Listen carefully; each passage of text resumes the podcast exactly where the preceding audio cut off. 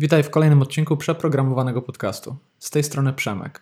Pozwól, że zanim przejdę do przedstawienia naszego dzisiejszego gościa, czyli Michała Miszczyszyna, to wspomnę jeszcze o dwóch bardzo ważnych kwestiach związanych z naszą działalnością. Przeprogramowani.pl to projekt, który tworzony jest na wielu płaszczyznach. Jeśli trafiłeś na naszą działalność przez Spotify lub Apple Podcasts, to musisz wiedzieć, że głównym źródłem działalności przeprogramowanych jest YouTube. To właśnie na YouTubie tworzymy na bieżąco filmy i niemal co tydzień wrzucamy nowy materiał związany z programowaniem i nie tylko.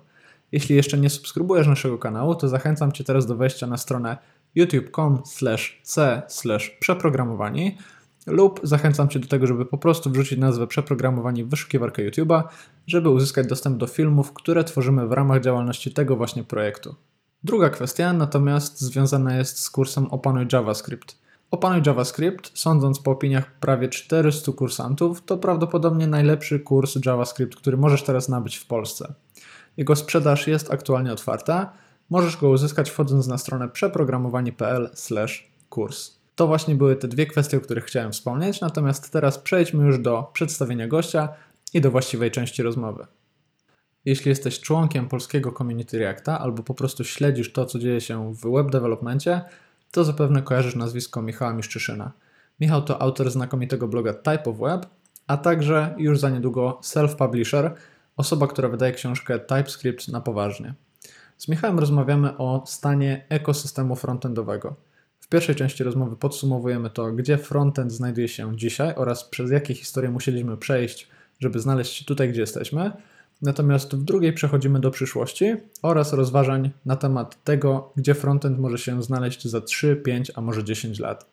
Zachęcam Cię do pozostania z nami do samego końca, bo rozmowa obfituje w mnóstwo ciekawostek oraz wartościowych materiałów dla każdego programisty, nie tylko tego, który aktywnie programuje na frontendzie. Jedziemy.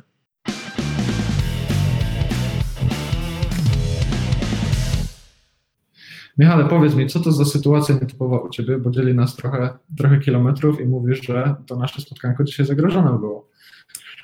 Tak, było przez chwilę zagrożone. Jak wracaliśmy do domu, to w całej dzielnicy nie było prądu, e, nie działały światła, okay. nic nie działało. I działaś to godzinę temu, warto dodać. Tak, to było godzinę temu i mieliśmy też problem, żeby wejść do domu, bo domofony też nie działały.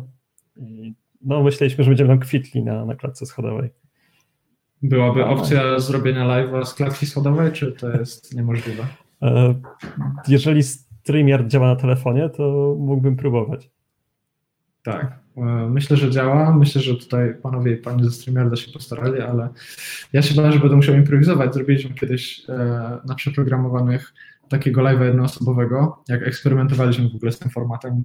Umawialiśmy się z Adamem i z Marcinem na trzyosobowe przedsięwzięcie, testowaliśmy narzędzie było 3, 2, 1 start i okazało się, że tylko Marcin mógł się podłączyć, także gość dostał kilka osób na, na widowni i Przemka i, Marcin, Przemka i Adam, którzy gdzieś tam pisali w komentarzach, że spoko, dasz radę, także bałem się, że dzisiaj będzie tak samo.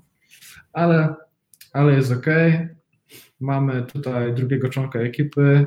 Marcin akurat na wakacjach, ale jak widać w Chorwacji internet działa. Także wydaje się, tak? Ja, mam, ja mam pytanie do Marcina. Marcin, pojechałeś samochodem czy samolotem? I jeżeli samolotem, to jak wrócisz? Tak, i to znakomite otwarcie naszej rozmowy, to znaczy nowe warunki na świecie, nowe warunki na świecie. Michał, powiedz mi jeszcze, czy ty dajesz radę w tym świecie pracy zdalnej, czy dla ciebie to jest w ogóle coś nowego, czy dla ciebie to jest standard? Dla mnie, dla mnie to jest standard. Znaczy ja w sumie y, zawsze pracowałem zdalnie. Nawet y, jak mieliśmy biuro w Gdańsku, to i tak większość firmy była za granicą, więc taka asynchroniczna, zdalna praca to cały czas towarzyszyła, a od ponad 4 lat już pracuję 100% zdalnie, e, z domu konkretnie. Mhm. I bardzo mi, się, bardzo mi się to podoba. Okej. Okay. Dzisiaj się spotykamy, bo jesteś człowiekiem, który nawet jeśli zdalnie to przepracował masę czasu, między innymi przy frontendzie, spędziłeś tonę czasu, e, masę czasu rozwijając e, rozwiązania webowe. Chciałbym zacząć od tak. tego, żebyśmy w ogóle zrozumieli, czym ty się zajmujesz? Bo ja cię osobiście kojarzę z bardzo aktywnego działania w community, na przykład reaktowym. E, widzieliśmy się przynajmniej przez szybę w Pradze na konferencji ReactiveConf, tam prowadziłeś szkolenie. E, tak, tak, było. Tak, tak było. było. Oczywiście wszyscy tutaj prawdopodobnie znamy Twoją stronę, czyli Type Web, bloga, gdzie dzielisz się swoją wiedzą. Jakbyś mógł nakreślić, jak wyglądała Twoja ścieżka kariery, Twoja przygoda z programowaniem gdzieś tak od samych początków, to byłby to dobry pomysł, żeby rozpocząć naszą rozmowę. Tak. E, staram się, staram się przypomnieć sobie, gdzie to się zaczęło, ale ja jestem jednym z tych szczęściarzy, z tych szczęśliwych osób, które nie miały problemu z wyborem swojej kariery, bo ja doskonale mhm. wiedziałem, co chcę robić, jak już byłem dzieciakiem e, i wiedziałem, że chcę coś robić związanego z komputerami. E, ale tak naprawdę praca jako frontend developer zaczęła się, jak byłem już w szkole średniej. Znaczy zacząłem robić jakieś strony internetowe po prostu dla ludzi, tam nie wiem, za 200-300 zł. Mhm. Czyli klasyk. No klasyk, można powiedzieć. Na WordPressie oczywiście. Tak. E, y, Okej, okay, mówisz o, o stronkach. Czy na początku przychodziło Ci do głowy, że będziesz w ogóle tworzył jakieś bardziej złożone aplikacje, czy to jeszcze w ogóle były czasy, gdzie frontend to było cięcie layoutu? Mm, znaczy ja akurat zaczynałem w momencie, jak, jak frontend to było tylko cięcie layoutu jeszcze.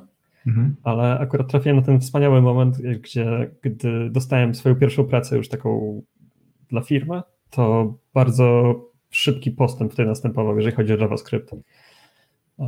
No i, no i bardzo szczęśliwie się złożyło, bo to oznaczało, że bardzo szybko się mogłem nauczyć nowych rzeczy i no, awansować, można powiedzieć. Tutaj można powiedzieć, że to Twoja historia ma bardzo ciekawe, może nie zakończenie, ale podsumowanie. Już na samym początku chcielibyśmy powiedzieć o tym Twoim chyba najważniejszym teraz projekcie, tak? czyli o książce TypeScript na poważnie. Na samym początku chciałbym, żebyś przedstawił naszym widzom i słuchaczom, co ty właściwie robisz, dlaczego taka książka, gdzie mniej więcej jest ten projekt, zanim przeskoczymy sobie do pozostałych tematów, zanim zagłębimy się w świat frontendu. Jasne, no więc e, w ogóle pomysł napisania książki chodził za mną już dawno, ale e, zdecydowałem się w końcu na napisanie czegoś poważniejszego na temat TypeScripta, dlatego że to jest główny język, z którego korzystamy we wszystkich projektach, u wszystkich klientów już od kilku lat. I zauważyłem, że bardzo wiele osób przychodzi do mnie z tymi samymi pytaniami, które się mm. stale powtarzają. No bo umówmy się, dokumentacja TypeScripta nie jest najlepsza, ale język, wydaje mi się, jako technologia to jest teraz taki must have. Każdy powinien go znać, jeżeli pracuje z Nodem albo na froncie. W dokumentacji przede wszystkim brakuje właśnie praktycznych przykładów i takiego podejścia do rozwiązywania rzeczywistych, e, realnych problemów. No i stwierdziłem, że zbiorę te wszystkie pytania tak naprawdę i zacząłem pisać książkę. No, wyszło 340 stron około. Czyli taki side project, który miał się skończyć po kilku godzinach, a skończył się na 400 stronach prawie, tak? Tak, ja, ja w ogóle myślałem, że to będzie taki darmowy e-book, którego wiesz, jak ktoś poda maila, dostaje e-booka. No ale jak napisałem ponad 200 stron, to się zorientowałem, że jest to potężna dawka wiedzy i chyba nie warto jej tak. E, wa warto zrobić z tego coś jeszcze większego. Mhm. E, wydrukować, wydać. Mhm. I to jest, to jest w sumie też ciekawy temat, bo zdecydowałem się na self-publishing. Jestem teraz wydawnictwem Type of Web. Mam numery ISBN. Bardzo, bardzo ciekawa przygoda. Dużo, dużo pracy no, takiej poza samym pisaniem na to schodzi, ale jest to bardzo ciekawe doświadczenie. Jasne. O samej książce na pewno sobie jeszcze porozmawiamy w dalszej części tej rozmowy, bo ja bym chciał, żebyśmy się też właśnie wgłębili w temat TypeScriptu. E, o ile jeszcze jakiś czas temu ten TypeScript to był taki powiedzmy powiedzmy eksperyment, czy też inicjatywa, w którą nie do końca wszyscy wierzyli, no to sam powiedziałeś, że to chyba zaczyna się już robić standard, tak? Także w odcinku poświęconym frontendowi 2025, bo o tym de facto mamy dzisiaj rozmawiać, no to chyba nie sposób tego TypeScriptu pominąć. Co myślisz, czy jest w ogóle droga do tego, żeby od TypeScripta uciekać, czy już po prostu mamy default? Wydaje mi się, że nie wiem. To znaczy, zaraz będziemy pewnie więcej na ten temat rozmawiać, Jasne. gdybać sobie. E, w tym momencie TypeScript jest moim zdaniem absolutnie koniecznie trzeba go znać. Mhm. A co będzie za 5 lat, to mam kilka jeszcze innych typów. Zobaczymy. Okej, okay, okej. Okay. Do, tych wszystkich, do tych wszystkich typów przejdziemy. Na samym początku warto też powiedzieć, że mamy dzisiaj prezent dla wszystkich, którzy dołączyli e, na tą rozmowę, do tego live'a. To znaczy, Michał oferuje tutaj kod rabatowy dla wszystkich, którzy są zainteresowani jego książką. 10% zniżki. Poprawnie, Michał, jeśli się mylę. 10% zniżki. To się jeśli, jeśli użyjecie kodu przeprogramowani to jesteście w stanie nabyć książkę Michała, czyli TypeScript na poważnie 10% taniej. Myślę, że te ponad 80 osób, które nas tutaj dzisiaj słucha, powinno z tego skorzystać, bo patrząc na działalność Michała w przeszłości, nie ma się tutaj obawiać o merytorykę, więc taki tam bonus na start. Tymczasem, przechodząc, przechodząc do tego naszego gdybania, powiedziałeś, że sobie trochę pogdybamy dzisiaj. Chciałbym jeszcze wrócić do tego Twojego LinkedInowego profilu, bo jak się go przegląda, to tam widzę mm, sporo firm, ale też widzę sporo wypunktowanych aktywności. Mm, jest taka opinia, że mm, że specjalizacje w różnych obszarach branży IT idą już tak głęboko, że tak jak kiedyś nie było informatyka, e, tak jak kiedyś był informatyk, a już nie ma kogoś takiego jak informatyk, tak już powoli przestaje istnieć takie stanowisko jak frontend developer, bo, bo zaraz się będziemy identyfikować jako JavaScript developerzy, jako framework developerzy, jako CSS developerzy. Prawda. Czy wydaje Ci się, że ten świat idzie akurat właśnie w tą stronę, takich bardzo mocnych specjalizacji? E, krótko mówiąc, wydaje mi się, że tak. E, zresztą to widać już teraz, że jest ewidentnie podział na osoby, które się zajmują stricte e, aplikacjami internetowymi, SPA, mhm. a osobami, które pracują na przykład w agencjach interaktywnych i robią strony internetowe, w sensie layouty głównie i tak dalej. Ja sam CSS-a w projekcie u klienta nie tknąłem od co najmniej dwóch lat. Mhm. Jakby to, co to, co ma wyglądać, to to już jest. My pracujemy tylko i wyłącznie nad logiką teraz w JavaScriptie, w TypeScriptie. Mhm. Więc e, no, no, widzę ten podział, widzę też tę, tę ścieżkę e, rozwoju. A jeśli chodzi właśnie o te twoje przejścia z różnych ról i, i, z różnych powiedzmy postaci frontend dewelopera, to która była ta, która odpowiadała ci najbardziej? Czy jakby teraz już jesteś w takim miejscu, które ci satysfakcjonuje, czy gdzieś e, żal ci tego, że właśnie tych CSS jest trochę mniej? Jak to wygląda? Znaczy, wiesz co, mam taką osobistą przyjemność odczuwam z tego, jak czasami sobie coś tam potnę mm. na potrzeby mojego bloga albo właśnie teraz tej strony internetowej, sklepu. E, no to, to fajna zabawa z tym CSS-em. Tak? Siedzisz dwa dni i, i, nie wiem, i poprawiasz jakieś bugi na Safari, na iOSie. Super. E, ale nie, absolutnie nie chciałbym tego robić na co dzień już, już teraz. Nie, zdecydowanie wolę pisać, pisać kod taki mięsny kod. Mięsny kod.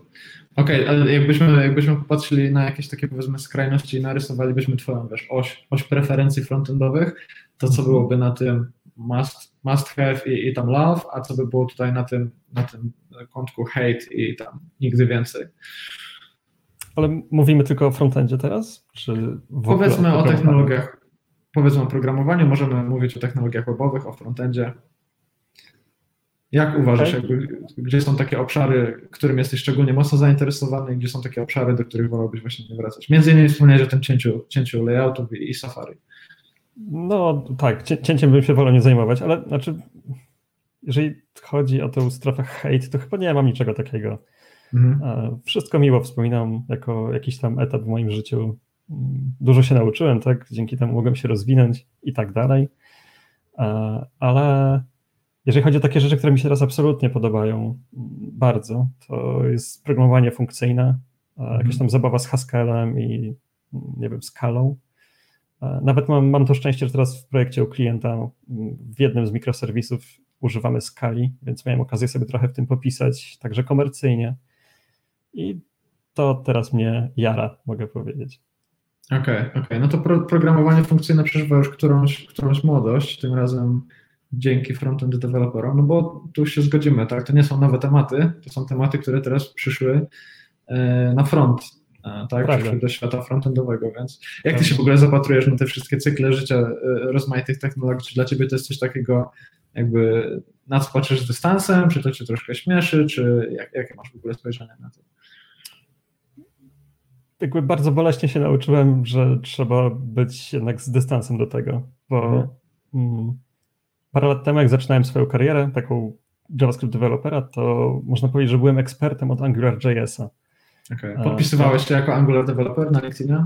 Tak, oczywiście, że tak. No, okay. Ja wiedziałem o tym frameworku absolutnie wszystko, wiedziałem jak on działa, wiedziałem co siedzi w środku, śledziłem wszystkie changelogi i tak dalej, i tak dalej i nagle się pojechałem sobie na konferencję do Warszawy i tam ktoś z Google powiedział, że oni już nie będą e, rozwijać tego Angulara, tylko wyjdzie Angular 2. Okay. No, także jakby cała ta wiedza, którą miałem w głowie, to okazała się być dosyć bezużyteczna.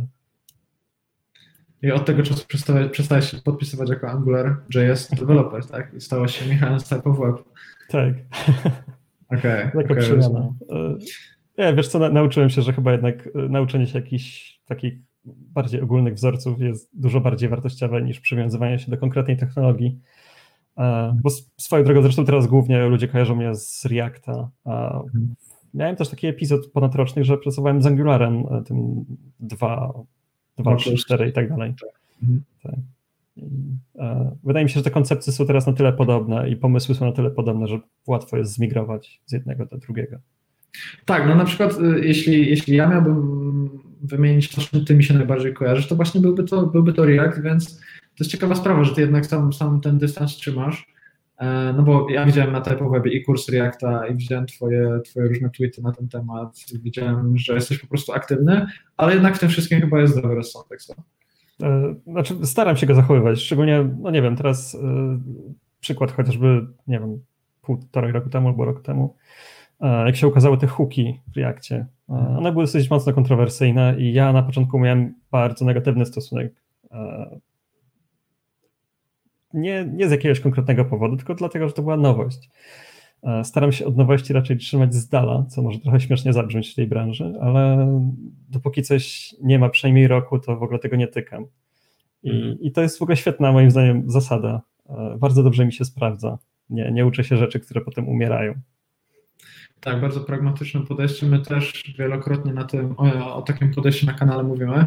Tutaj może jest dobra okazja do tego, żeby moją chamską reklamę e, zaprezentował, ale jak mówiliśmy już w Twojej książce, to ja chcę też zachęcić każdego, kto trafił tutaj na przykład przez media społecznościowe Michała, czy, czy, przez, czy przez Facebooka, czy przez po prostu inne źródła, do tego, żeby subskrybować przeprogramowanych miejsce, gdzie aktualnie ta rozmowa jest prowadzona. Jeśli wejdziecie na ten link bit.ly przeprogramowani, to będziecie mogli dołączyć do prawie 6 tysięcy, ponad 6 tysięcy ludzi, którzy śledzą e, nasz kanał i między innymi nie przegapicie tego typu rozmów.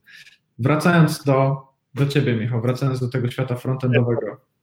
Jeszcze chciałbym dodać, że jeżeli ktoś e, z osób, które jakby mnie śledzą, nie, nie zna Was albo nie kojarzy przeprogramowanych, to ja serdecznie polecam. Bardzo dobre materiały i, i fajne, fajne rzeczy chłopaki robią. I jesteśmy kumple. Tak.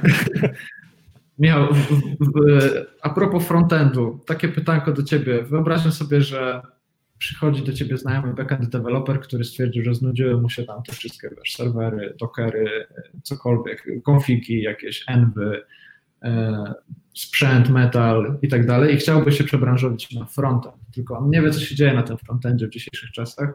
Słyszał, że to wszystko jest bardzo złożone, bardzo skomplikowane, bardzo szybko się zmienia. Co ty byś powiedział takiej osobie? Gdzie według ciebie jest frontend na 2 września 2020 i jakby jak ty się na to wszystko zapatrujesz? Moim zdaniem frontend jest teraz, na początku września 2020 frontend stoi absolutnie Reactem. Mhm. To wydaje mi się, że nie ma żadnych wątpliwości wobec tego. Zarówno jeżeli chodzi o społeczność, jak i chociażby liczbę ofert pracy, to każdej osobie, która zresztą zaczyna się uczyć teraz frontu, to mówię, żeby, żeby celowali w Reacta, bo to jest jakby najbardziej e, pragmatyczne podejście, wydaje mi się. Mhm. Mhm. Jeśli chodzi o to twoje takie spojrzenie na frontend, to dalej gdzieś tam subskrybujesz te, te community angularowe Vue czy, czy, czy Svelte, czy, um, czy to jest w ogóle potrzebne dla dewelopera?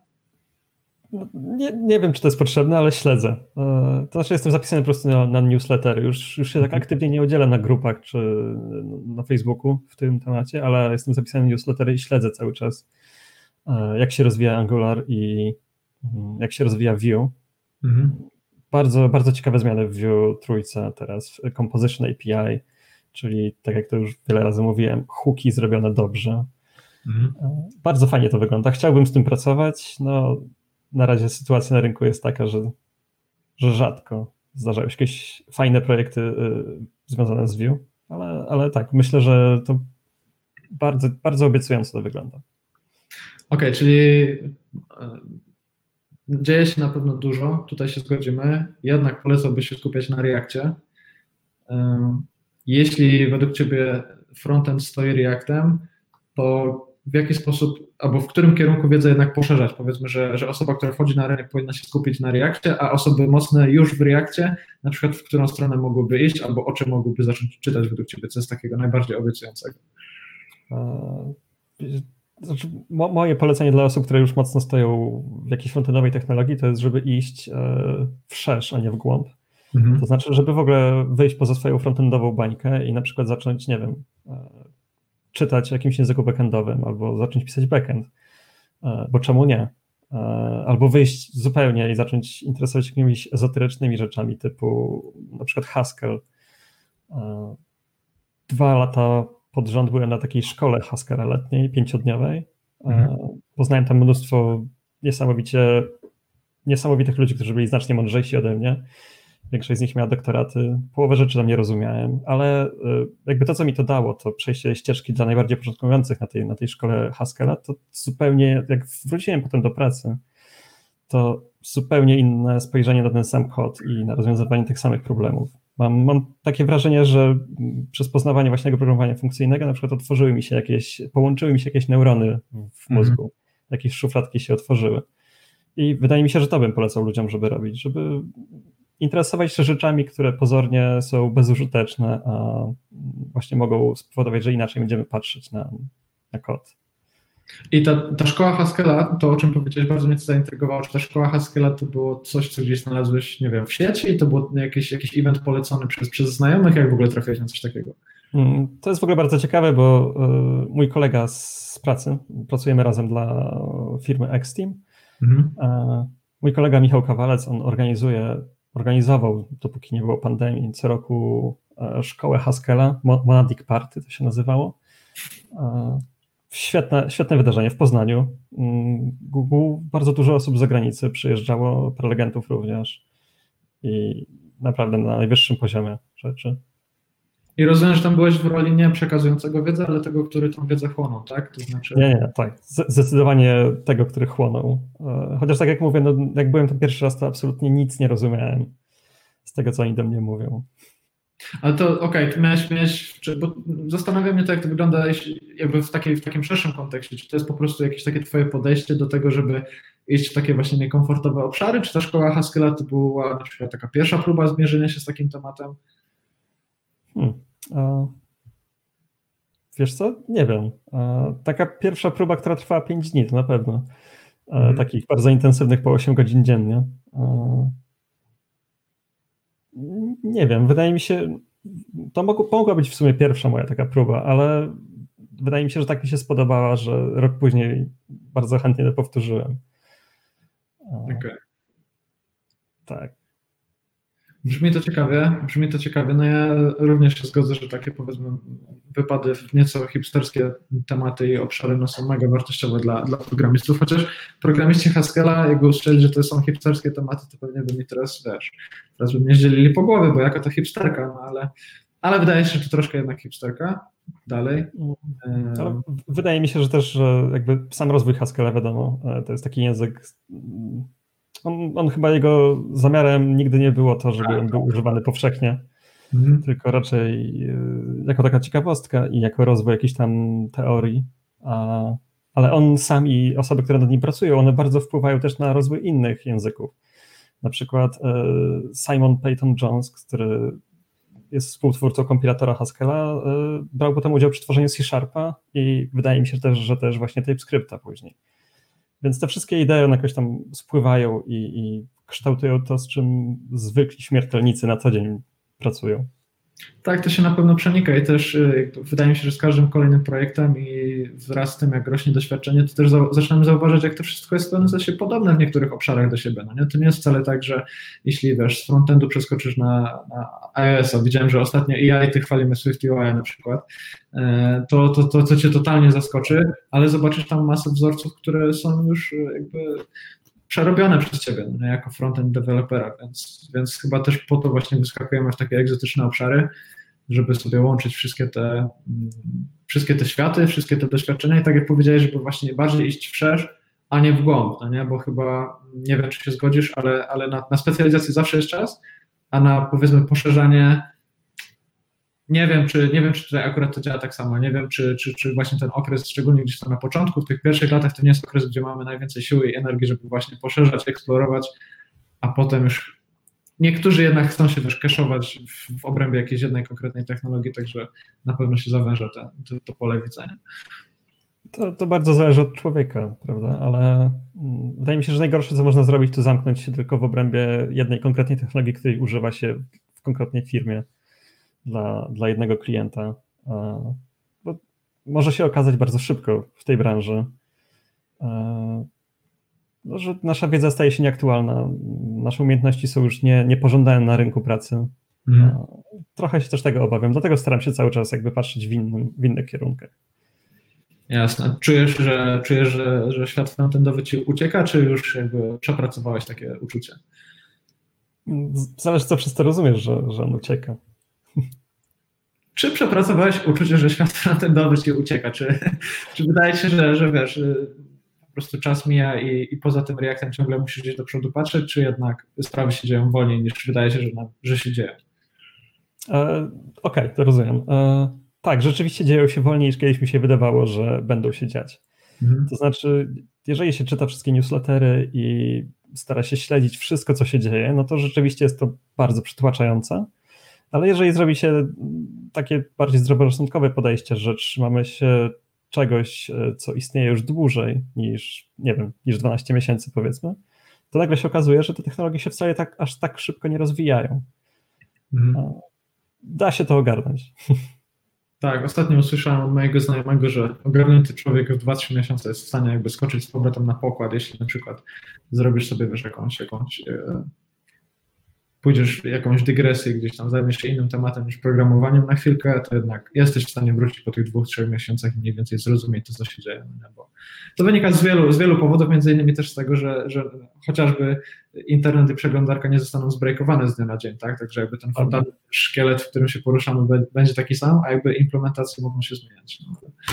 Tak, akurat y, mój, mój kolega też y, z Exteamu zrobił sobie taki roczny, roczną przerwę od pracy mhm. w 2018 roku. I wydaje mi się, że po powrocie on absolutnie niczego nie musiał nadrabiać. Okej, okay. no to jest ciekawa sprawa. Nie, niewiele się tak naprawdę zmieniło. To jest ciekawa sprawa. Y, chciałbym tutaj przejść do kolejnego tematu, który gdzieś tam sobie przygotowałem dla Ciebie, a mianowicie właśnie mm, a propos tego, czy wiele się zmienia, czy wiele się nie zmienia. Jeśli miałbyś wybrać jakiś taki jeden obszar, który wymaga uwagi, ale na przykład właśnie konkretnie poprawy na tym naszym frontendzie, czyli uproszczenia na przykład, albo wyjaśnienia, albo wyprostowania, to co by to było? Bo wydaje mi się, że jest sporo takich tematów, które są dobrze zrozumiałe przez zaawansowanych, yy, przez tych, którzy tutaj siedzą, ale jednak chociażby taki temat jak, nie wiem, konfiguracja webpacka, o której kiedyś było głośno, cały ten JavaScript fatigue na przykład, chociaż teraz to jest, okej, okay, to jest wszystko ukrywane teraz przez CLI, ale, ale pamiętam, że kiedyś o tym było głośno, jeszcze całkiem niedawno. Właśnie pytanie, jak to według Ciebie wygląda? Co byś uprościł, co byś znormalizował, gdzie byś powiedział ludziom, żeby wychillowali? Konkretnie, konkretnie e, jeżeli chodzi o tego łopaka, którego wspomniałeś, to ja absolutnie nie rozumiem ludzi, którzy jakby są początkującymi i próbują sami napisać config do webpacka. Dla mnie to jest jakiś absurd. Nie wiem, weźcie sobie go, jakiś gotowy template, skopiujcie z internetu, wszyscy jak robią. No, come on.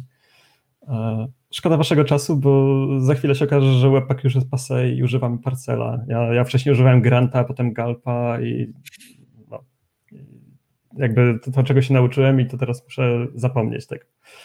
E, to tak, to myślę, że to konfigurowanie projektu, w ogóle ten, ten cały bootstrap jest trochę skomplikowany dla, dla wszystkich. E, takie narzędzia jak Create React App czy inne pochodne bardzo pomagają i pozwalają zapomnieć o tym początkowym bólu i zająć się tworzeniem aplikacji. Mm. A jak widzisz, jak widzisz na przykład community, jeśli by odejść na chwilę od technologii, czy, czy community frontendowe ma jakieś problemy, czy community frontendowe dobrze się miewa, tak żeby troszkę jeszcze wiesz, nakreślić, jak ta sytuacja dzisiaj wygląda? Myślę, że no, co mógłbym innego powiedzieć? No myślę, że się miewa lepiej niż kiedykolwiek. Mhm. E, coraz bardziej pragmatycznie. Wydaje mi się, że ten JS Fatigue, o którym było głośno parę lat temu, on jest coraz mniejszy teraz. E, mimo wszystko już od, nie wiem, czterech lat już wiemy, że chcemy iść w komponenty i myślę, że to bardzo ustabilizowało e, światek tego JS-a. Tak, okej. Okay. Myślałem, że tutaj jeszcze powiesz mniej więcej o tym momencie, kiedy wszedł ES 2015, ES 6, myślę, że to też był taki etap troszkę graniczny, no nie? Pomiędzy tym starym JavaScriptem, a tym JavaScriptem, który zaczął być, być wydawać rokrocznie, e, ustabilizował się cały proces wydawania nowych feature'ów, tak nie mieliśmy już tej przerwy kilkunastoletniej, tylko co roku wiemy, że będzie mniej więcej nowa wersja. No i też chyba, chyba przyzwyczajamy się do dropowania tych starszych przeglądarek, tak? Tych przeglądarek, które wymagają, wymagają gdzieś tam polifili na przykład.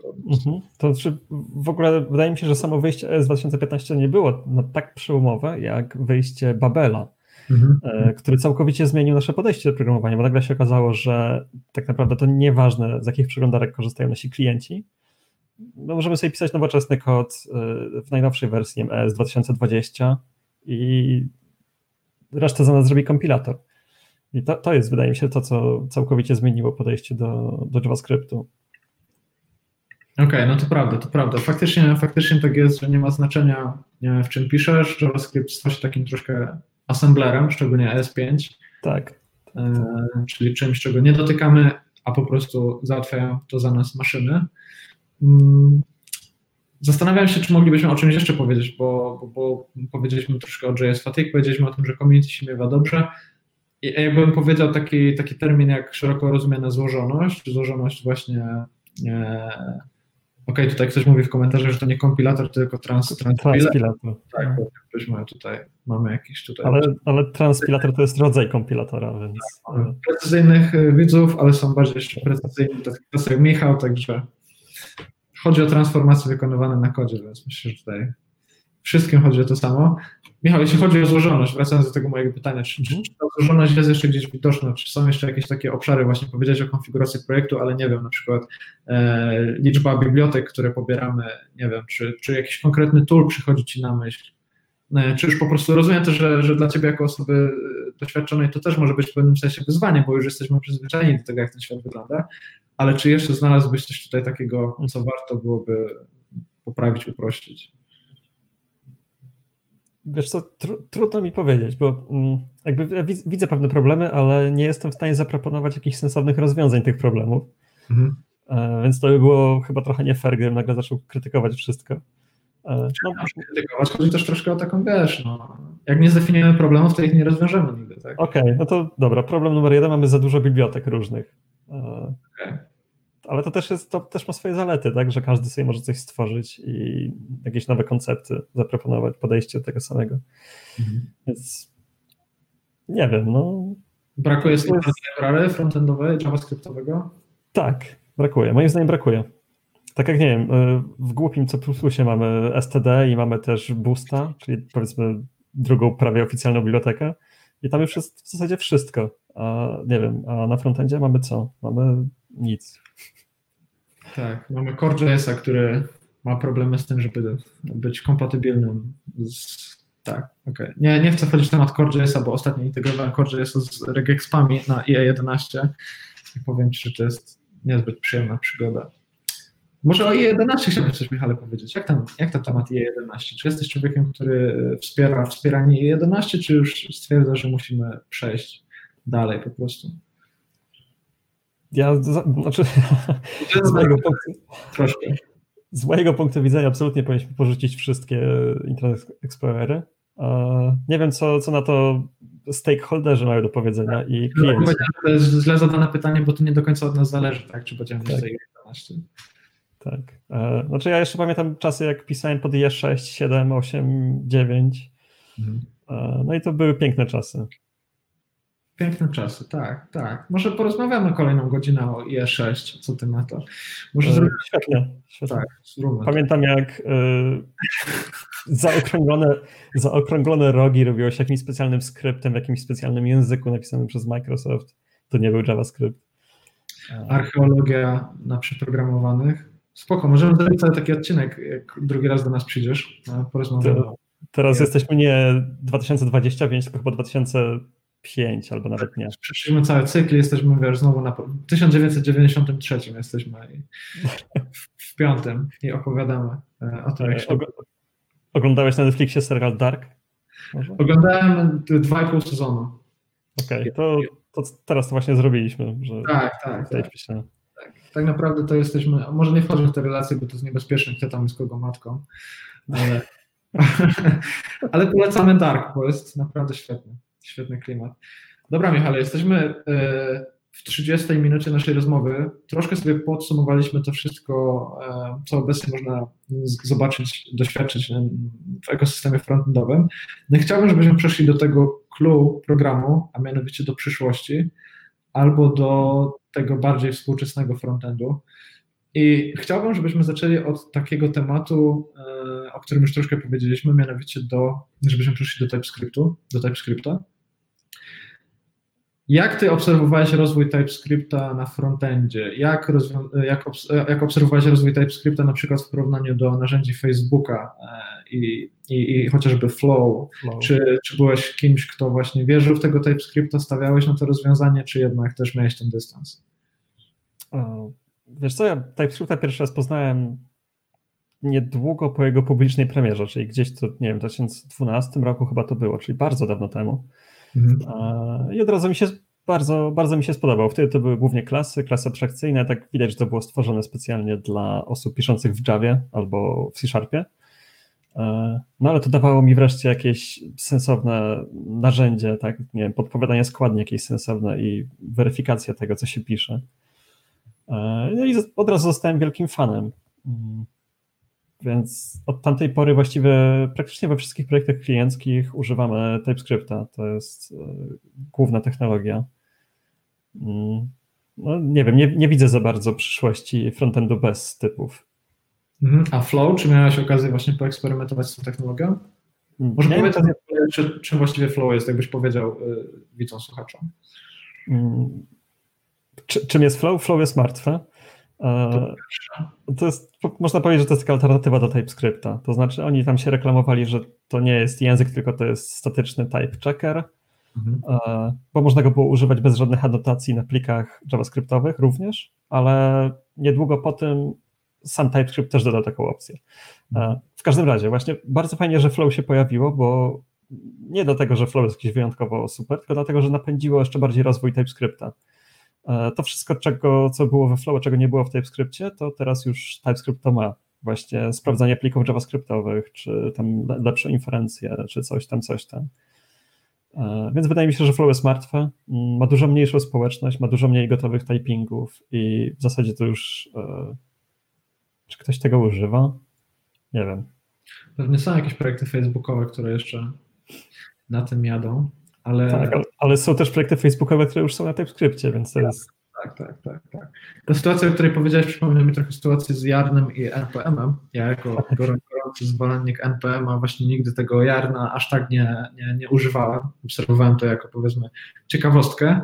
No i to wygląda bardzo podobnie. No nie? W momencie, kiedy, kiedy NPM po prostu dociągnął te feature'y, których brakowało, no to wydaje mi się, że to znowu pójdzie w stronę takiej, takiej konsolidacji i uspójniania tych, tych, tych menadżerów paczek i nie sądzę, że akurat Jarn będzie tym, tym, czego będziemy wszyscy na frontendzie używać. No nie, nie wiem, czy się tutaj zgodzisz ze mną. Całkowicie się zgadzam. To znaczy teraz się w ogóle wydarzyły dwie takie ważne rzeczy. Hmm. Swoją drogą dodam, że też jestem wielkim fanem NPM, a nigdy nie używałem Jarna poza miejscami, gdzie musiałem, a musiałem, bo Jarn ma taką funkcję, która nazywa się Workspaces. Mhm. E, lepiej się pracuje z monorepo, z Yarnem. E, w każdym razie NPM 7, który wyszedł albo zaraz wyjdzie, ma już workspaces, więc będzie można całkowicie zamienić e, tego Yarna na NPM z powrotem. A w międzyczasie, mniej więcej w tym samym czasie, jak NPM to ogłosił, to Yarn, wyszedł Yarn 2, który psuje wiele rzeczy. Nie wiem, w ogóle przeczy swoim początkowym ideom i wydaje mi się, że on teraz umrze. Tak, wczoraj, wczoraj e, autor Babela, czyli e, Sebastian McKenzie wrzucił takiego tweeta, że long live NPM, tak? tak. To ile rzeczy zbrajkowano wiernie, jakby to, co się stało w community, no to już jakby przekreśla szanse na adopcję. Co, co ciekawe, wydawało mi się, że akurat na przykład React będzie tym, który napędzi, napędzi tą adopcję e, w świadku frontendowym, no ale tutaj chyba wydaje się, że wiesz, cały, cały ekosystem nodowy jednak sprawia, że tego NPM cały czas pchamy do przodu. Nie? Że to nie jest tylko tak, że na frontendzie się tych menadżerów paczek używa. No, zdecydowanie. E, ale jeżeli chodzi o taką jeszcze analogiczną sytuację a propos Node'a, to przecież swego czasu Node został sforkowany, nie wiem czy pamiętasz. Tak, IO? IO, aha. Tak. I po, nie pamiętam, po miesiącach czy po kilku latach on został z powrotem zmerodżowany do, do Node'a i napędził też rozwój Node'a. Przy całkiem sporej y, oczywiście skali dramy na GitHubie i. Oczywiście. Tak. Branchowanie, czemu robicie dwa razy to samo, my to mamy, my to chcemy mieć. No ale ciekawie się to ogląda, tak, tak. Ale to znowu są te cykle, no nie? Dzisiaj wszystko wokół, wokół tych cykli, wokół dark. E, tak to, tak, to jakoś, tak to nam się jakoś e, składa. Wracając do, wracając do TypeScripta, czy widzisz jakiś punkt przełomowy, jeśli chodzi o adopcję tego narzędzia? Widzisz jakieś takie szczególne wydarzenie, które spowodowało, że właśnie to ten TypeScript staje się tym defaultem, czy raczej to była płynna ścieżka do przejęcia frontendu według Ciebie? Znaczy, z mojej perspektywy to była płynna ścieżka, ale nie widzę też żadnego takiego punktu, który by sprawił nagle, że o, super, teraz możemy używać TypeScripta na frontendzie. Nie było żadnego, oni nie dodali żadnego takiego znaczącego feature'a ostatnio, tylko on się stabilnie, systematycznie rozwija. E, ale rzeczywiście jest jakiś niesamowity boom, od tak mniej więcej od roku na TypeScripta w tych e, kręgach frontendowych na Twitterze. Osoby, które wcześniej mówiły, że o, po co mi typy, nagle teraz są wielkimi ewangelistami TypeScripta, więc e, tak. nie wiem, co to zaczęło, ale to się dzieje. To się dzieje. Mm, może tutaj też chodzi troszkę o tą dojrzałość, o której wspomnieliśmy, tak? To znaczy, mieliśmy tutaj kiedyś Arka Benedykta w pierwszej rozmowie z tej serii, który powiedział, że trudno uciekać od typów, bo typy zostały wprowadzone właśnie po to, żeby rozwiązać problemy JS-a. Więc jeśli teraz programiści mają nadzieję, że w JS-ie bez tych typów wytrzymamy i będziemy pisać aplikacje biznesowe, to wiesz, znowu mamy ten cykl, kiedy programiści myślą, że są mądrzejsi od swoich poprzedników, szczególnie ci młodsi, e, a tak naprawdę no, ten problem został już rozwiązany, tak? To znaczy w dużych aplikacjach biznesowych te typy, no to jest jednak koło ratunkowe albo coś, od czego po prostu już nie, nie, nie sposób odejść. Więc być może to jest taka naturalna, naturalna po prostu sprawa związana z dojrzałością tego naszego ekosystemu. Wydaje mi się też, że wiele osób może mieć złe wspomnienia związane z typami w jakichś e, innych językach, na przykład dawniej w C czy C++, gdzie trzeba było dać adnotację do absolutnie każdej zmiennej, każdej funkcji i tak dalej.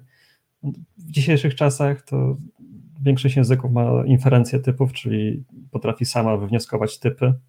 Mhm. E, nie wiem, w językach takich jak y, Reason, o którym pewnie zaraz jeszcze pogadamy, to nie pisze się adnotacji prawie w ogóle. Więc, mhm. A wszystko i tak jest statycznie typowane. Tak, y, to prawda. Tutaj ktoś słusznie zauważył, że Angular mógł być też właśnie początkiem masowego TypeScriptowania. Nie wiem, czy pamiętacie, ale w Angularze ten język kiedyś miał się nazywać AdScriptem. Mhm. Miało być to, miała być to alternatywa do JS-a rozwijana w Google i dopiero później przekonwertowano to na TypeScript, tak? To znaczy E, nie było jakby żadnej gwarancji, że. To znaczy, były, by, były typy, tak, Michale, poprawnie jeśli się mylę, ale nie było gwarancji, że tutaj będziemy mówić o TypeScriptie po tych wszystkich latach, tak?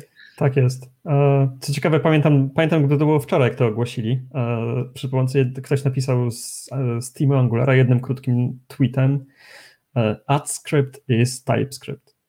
Tak, tak. I to, to było wszystko. Tak, tak to był przełom, jeżeli chodzi o rozwój na pewno TypeScripta, ale jeżeli chodzi o adopcję, którą teraz się dzieje na frontendzie masowo, to nie wiem, co to, od czego się zaczęła.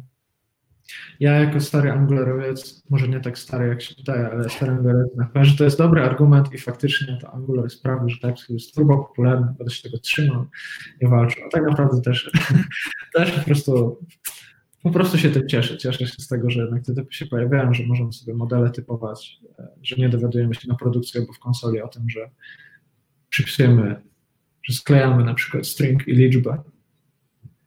Programiści takich języków jak C Sharp albo Java pewnie by się pośmiali teraz z nas i z tych problemów. No. Takie to życie na tym frontendzie. Co? Pamiętam, jak e, kilka lat temu miałem prezentację odnośnie TypeScripta dla, skierowaną dla programistów, którzy nie zajmują się frontem. No i oni mówią, okej, okay. ale to wszystko już było.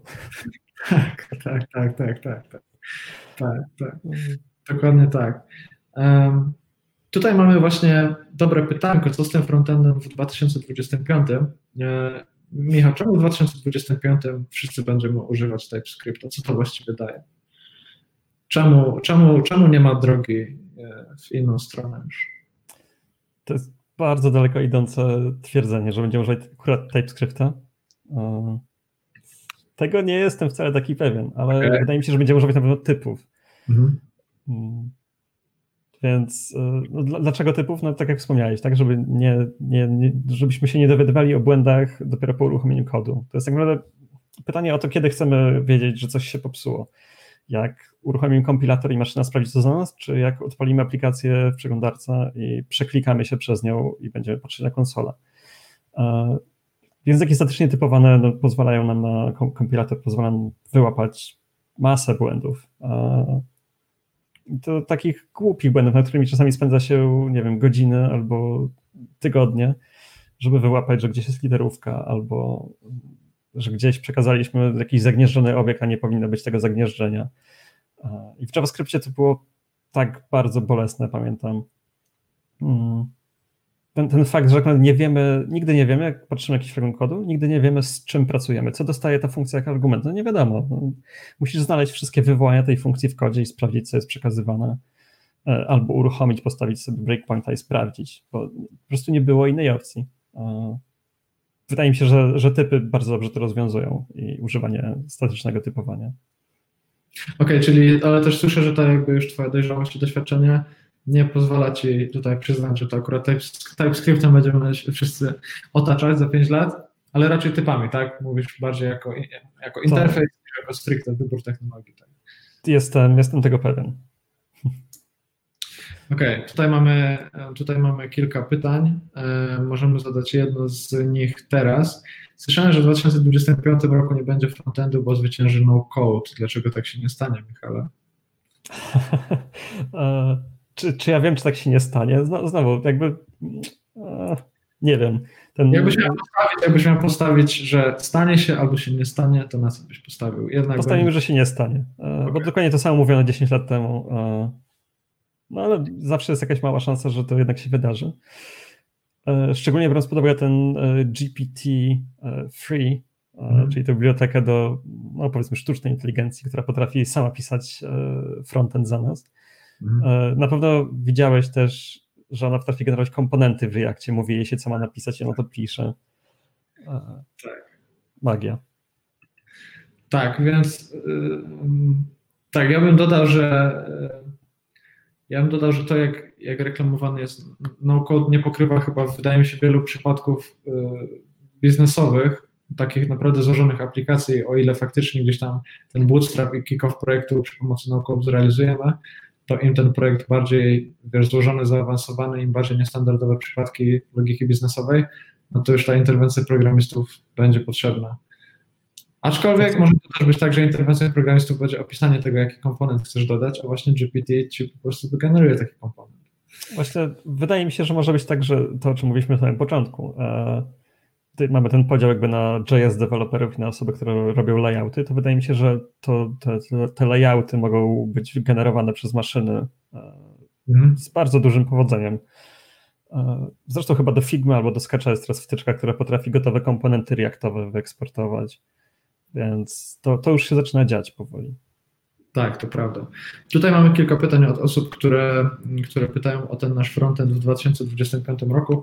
Słuchajcie, no, mm, żeby pogadać o przyszłości, na pewno trzeba podsumować teraźniejszość. My też troszkę ustaliliśmy z Michałem, że w takiej właśnie formie będziemy tą rozmowę prowadzić.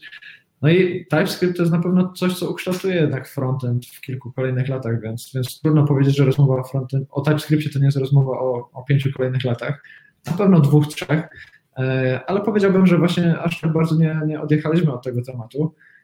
Ale jest tutaj jeszcze jeden ciekawy temat, o którym e, chciałbym, żebyśmy porozmawiali. I tutaj możemy wrócić do właśnie tej twojej książki o TypeScriptie, e, bo książkę, książkę zaznaczyliśmy na samym początku. Jak to właściwie wygląda z punktu widzenia self-publishera E, co w ogóle napędzało Cię do tego, żeby te 300-400 stron napisać i, i, czy był to trudny proces, czy są tutaj kwestie, o których na przykład nie mamy pojęcia? Mm, ale pytasz od strony jakby samego języka TypeScripta, czy pytasz od strony procesu publikacji? Od strony ciebie jako autora, bo z, roz, rozumiem, że proces pisania książki to nie jest tylko jakby przepisywanie dokumentacji, ale to jest też jakiś nie. proces tej dokumentacji, tak? Także na pewno też się czegoś nauczyłeś jako programista. A ogólnie, ogólnie, co byś mógł powiedzieć na tej książki, jak to wszystko wyglądało? Jasne, w ogóle dokumentacja TypeScripta jest, e, poprawia się, ale jest mimo wszystko kiepska. Przede wszystkim brakuje w niej jakichkolwiek takich życiowych przykładów, oprócz suchej teorii. E, no jakby postawiłem sobie za cel, żeby w tej książce znalazło się jak najwięcej takich e, rozwiązań prawdziwych problemów, czyli rzeczywiście te rzeczy, o które ludzie mnie pytali, mhm. albo z czym sam się mierzyłem w pracy, to żeby w jakiś sensowny sposób pokazać e, też bez pisania jakichś typów sztuka dla sztuki, tylko żeby rzeczywiście dawały nam jakąś wartość. Więc to sobie jakby postawiłem za, za główny cel. Dokumentacji jest całkiem sporo. Pytanie, co są Twoją nauką? Jakie były takie obszary, które Cię szczególnie zaskoczyły, albo, albo o czym po prostu nie miałeś pojęcia jako programista? To znaczy, jeżeli chodzi o samo używanie TypeScripta, to zaskoczyło mnie niewiele rzeczy, ale jeżeli chodzi o taką teorię samego systemu typów i w ogóle historię, to musiałem sporo doczytać o tym. E, bo jakby, żeby komuś przekazać swoją wiedzę, to trzeba znać temat na 120%, mhm. Więc żeby nie wykazać ignorancji albo nie popełnić jakiegoś błędu gdzieś przypadkiem, to musiałem też iść wszerz. E, poczytać trochę o takich matematycznych podstawach też systemów typów, o kontrawariancji, o kowariancji. E, to może się wydawać, że ta wiedza jest bardzo teoretyczna i, i się nie przyda, ale jest dokładnie na odwrót, bo jak się zrozumie te pojęcia, które staram się opisać w książce, to zaczyna się rozumieć na przykład, czemu mamy niektóre błędy w TypeScriptie, a, a czemu czasami ich nie mamy. A miałeś okazję ocenić jako właśnie twórca i autor istniejące materiały już właśnie na temat TypeScriptu, czy nie robiłeś takiego przeglądu tego, co już gdzieś tam jest na rynku? Nie, jasne, że robię. Znaczy śledzę też to na bieżąco, bo śledzę chociażby newsletter TypeScriptowy i tam jest e, bardzo dużo materiałów. E, oprócz jakichś tam luźnych artykułów na Medium czy gdzieś tam na jakichś blogach, to mm, jest chyba tylko jedna taka bardzo spójna seria artykułów, które są publicznie dostępne. Mm, nie pamiętam teraz, kto je napisał, ale e, to jest, jest to człowiek, który śledził rozwój TypeScripta od wersji, nie pamiętam, 2.0 chyba mhm. i publikował kolejne wpisy, jak się pojawiały jakieś zmiany, opisywał i właśnie pokazywał też te praktycznie, e, jak, jak praktycznie wyglądają te, te zmiany, mm, jaki mają wpływ na aplikacje. Więc e, to jest bardzo ciekawe. Podrzucę potem linka. Okej, okay. na pewno w opisie tego filmu znajdziecie potem linki polecane przez Michała. Jedna rzecz mnie jeszcze ciekawi, czy jak właśnie oglądałeś tą tą sytuację na rynku, te materiały, które istnieją, to widziałeś tam jakieś błędy merytoryczne, czy to raczej były materiały poprawne, ale jednak nie tak głębokie, jak na przykład e, ty podejmujesz w tej książce? E, nie, znaczy w ogóle przeglądając chociażby blogi, to znajdowałem mnóstwo błędów takich merytorycznych albo e, rozwiązanie niektórych problemów, które ja bym zrobił zupełnie inaczej, mhm. czyli prościej i lepiej najczęściej. Mm, ale najczęściej znajdowałem po prostu braki wiedzy osób, które pisały te artykuły. To znaczy, e, starały się coś opisać, ale pomijały jakieś bardzo ważne szczegóły, które jakby nadają cały kontekst temu, temu o czym piszą. Mhm. Więc mm, materiały Myślisz... są średnie. Okej. Okay. Okej, okay. materiały są średnie. Pytanie tutaj trochę nawiązując do tego naszego ekosystemu frontowego, czy wydaje Ci się, że że może za szybko w tego, w tego TypeScripta idziemy, może tak naprawdę nie rozumiemy konsekwencji, czy jednak nie poszlibyś aż tak daleko? Nie, no wydaje mi się, że im szybciej w to pójdziemy, tym lepiej. Mhm. Bo nawet jeżeli teraz, to, to jest bardzo powszechne na przykład w TypeScriptie, że przychodzą osoby, które mają doświadczenie z innymi językami i próbują pisać tak, jak się pisze w Javie albo w C Sharpie, bo myślą, że do tego TypeScript służy. No ale tak nie jest. Jakby trzeba, trzeba znać JavaScript, uważam, że trzeba znać go dobrze, żeby pisać też dobrze w TypeScriptie żeby nie kopiować wzorców tak bezmyślnie z, z właśnie ze wspomnianego C-Sharpa, tylko żeby... A jakich wzorców tutaj myślisz na przykład? E, nie wiem, dziedziczenie. Dziedziczenie? Tak, okay. tak, tak. E, robienie jakichś tam, wiesz, klas abstrakcyjnych, implementacja wzorców takich e, w klasycznym tego rozumieniu.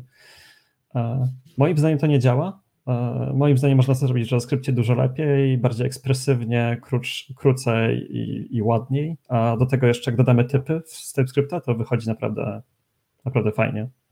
Mhm, czyli taki, taki klasyczny case jazdy na pamięć, tak? Jesteśmy przyzwyczajeni do jakiejś technologii, idziemy do czegoś nieco, nieco innego, nieco podobnego, ale wiadomo, że ta nasza natura jakby zmusza nas do tego, żeby pisać dokładnie tak samo, bo jest wygodniej, szybciej, tak? Jakby taniej na początku nie rozumiemy tych konsekwencji, no i w pewnym sensie to działa, nie? tylko że troubles ahead, powiedzielibyśmy. I w pewnym momencie pewnie każdy, każdy kto, kto ma takie podejście, nadzieje się jednak na jakiś plan, czy to z prototypami, czy to z klasą, czy to z jakimś super, czy to z dysem. No właśnie. Jest no co właśnie. zepsuć, powiedziałbym, tak. Jest co zepsuć.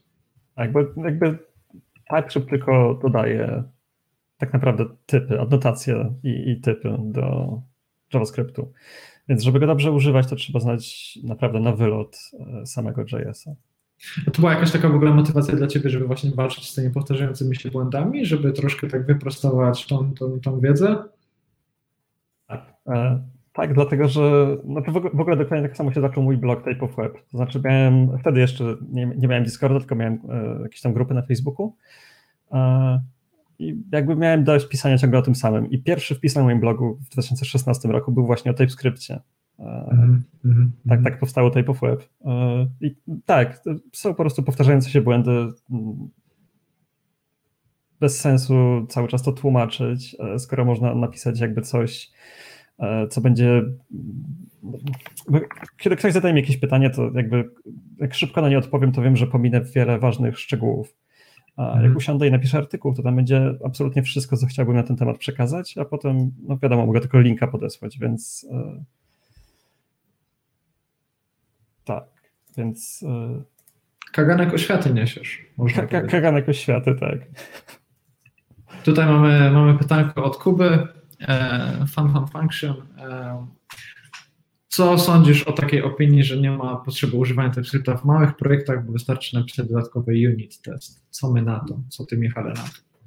To jest NPJ. To jest, o ile kojarzę ten gość, który stoi za kanałem Fun Fun Function. A, okej. Okay. Okay. Matias, Matias, Matias. Abstrahując od autora, ja też nie jestem dobry w rozpoznawaniu ludzi po imionach i nazwiskach. Co sądzisz o opinii, że TypeScripta nie ma sensu używać w moich projektach, bo wystarczy napisać unit testy? E, nie, to jest, to jest oczywiście bzdura, bo mm, jakby testy i typy rozwiązują zupełnie różne problemy. Więc, znaczy, może to wychodzi, z, ktoś wychodzi z błędnego założenia, które trochę inaczej brzmi, czyli że jeżeli będę używał TypeScripta, to nie muszę pisać testów to jest, to jest bzdura, to jest nieprawda. Jakby mhm. mamy testy i do tego jeszcze możemy mieć typy. Czemu nie? Ale testy to jest absolutnie, absolutna konieczność, zawsze. I TypeScript nie zastąpi testów, a testy nie zastąpią TypeScripta. Trochę się uśmiecham tutaj, bo znowu jakby właśnie ktoś wyszedł poza tą naszą działkę frontendową, no to zobaczy, nie? Że, że, że w C-Sharpie są typy i ludzie piszą testy, tak? W Java są typy i ludzie piszą testy, no jakby te dwa światy są po prostu Jeden nie kasuje drugiego i to już znowu rozwiązano ten problem. Już jest odpowiedź na to, czy, czy, czy typy i testy mogą żyć i czy są potrzebne. No a my tutaj jakby znowu staramy się chyba pokazać na tym froncie, że, że, że wiemy lepiej. No to wiesz, to jest tak samo jak. Yy, dobra, no, no, nie będę mówił, bo zabrzmi jak taki boomer, ale wiesz, jak młodzi ludzie dawaj, myślą, że. Masz potrafią... już, dawaj, masz już ponad 20 lat. Młodzi ludzie myślą, że potrafią wszystko zrobić lepiej, a potem się okazało, że powtarzają dokładnie te same błędy, co ich rodzice, więc tak. myślę, że to jest dokładnie to samo.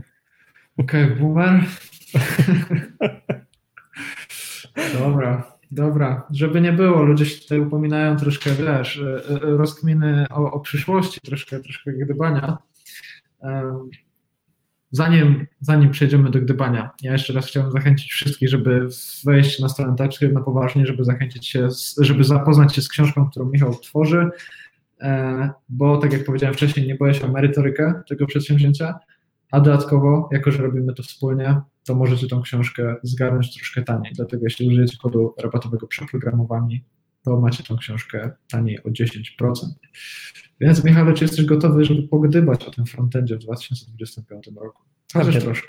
Przebieram, troszkę. przebieram nóżkami. No. Dobrze, dobrze, dobrze. Powiedz mi, czy to trio, które znamy dzisiaj, czyli Angular View, e, React, to jest coś, co zobaczymy w 2025 roku? Czy dzisiaj, jak zaczynam pracę, to na któreś powinienem stawiać szczególnie? Troszkę już powiedziałeś na to pytanie, ale jaką mamy gwarancję, że to tutaj dalej będzie? Ciężko stwierdzić. Świetnie, idźmy, idźmy tak pozostałe pół godziny na każde moje pytanie. Tak Ciężko stwierdzić. E, myślę, myślę, że nie wiem. Znaczy, nikt nie może wiedzieć, bo mówimy, gdybamy sobie. Mhm. Ale jeżeli mogę sobie pozwolić na takie. W, w ogóle tego tonu nauczyłem się też e, przez lata pracy, żeby nigdy nie być niczego pewnym, tylko mówić. Mm, I to, to, zawsze wtedy to tak brzmi bardzo profesjonalnie. Nie? Tak się ludzie zaczynają odbierać. No, on jest taki wyważony. Mm. Tak jest. Znaczy, nie wiem, wydaje mi się, że jest spora szansa, że wszystkie trzy te wymienione przez ciebie narzędzia umrą w międzyczasie, bo powstanie coś znacznie lepszego. Jesteśmy niedojrzali, żeby się trzymać jednego narzędzia? Jesteśmy zbyt niedojrzali jako frontend deweloperzy? Nie wiem, czy to chodzi o dojrzałość, tylko o to, że tych projektów, yy, nie wiem, startupów i fintechów jest tak dużo, że jak będziemy chcieli zmienić narzędzie, wystarczy zmienimy projekt i trafimy do jakiegoś nowego projektu, który właśnie powstaje. Więc to daje bardzo dobry grunt do tego, żeby technologie się szybko zmieniały. Mm.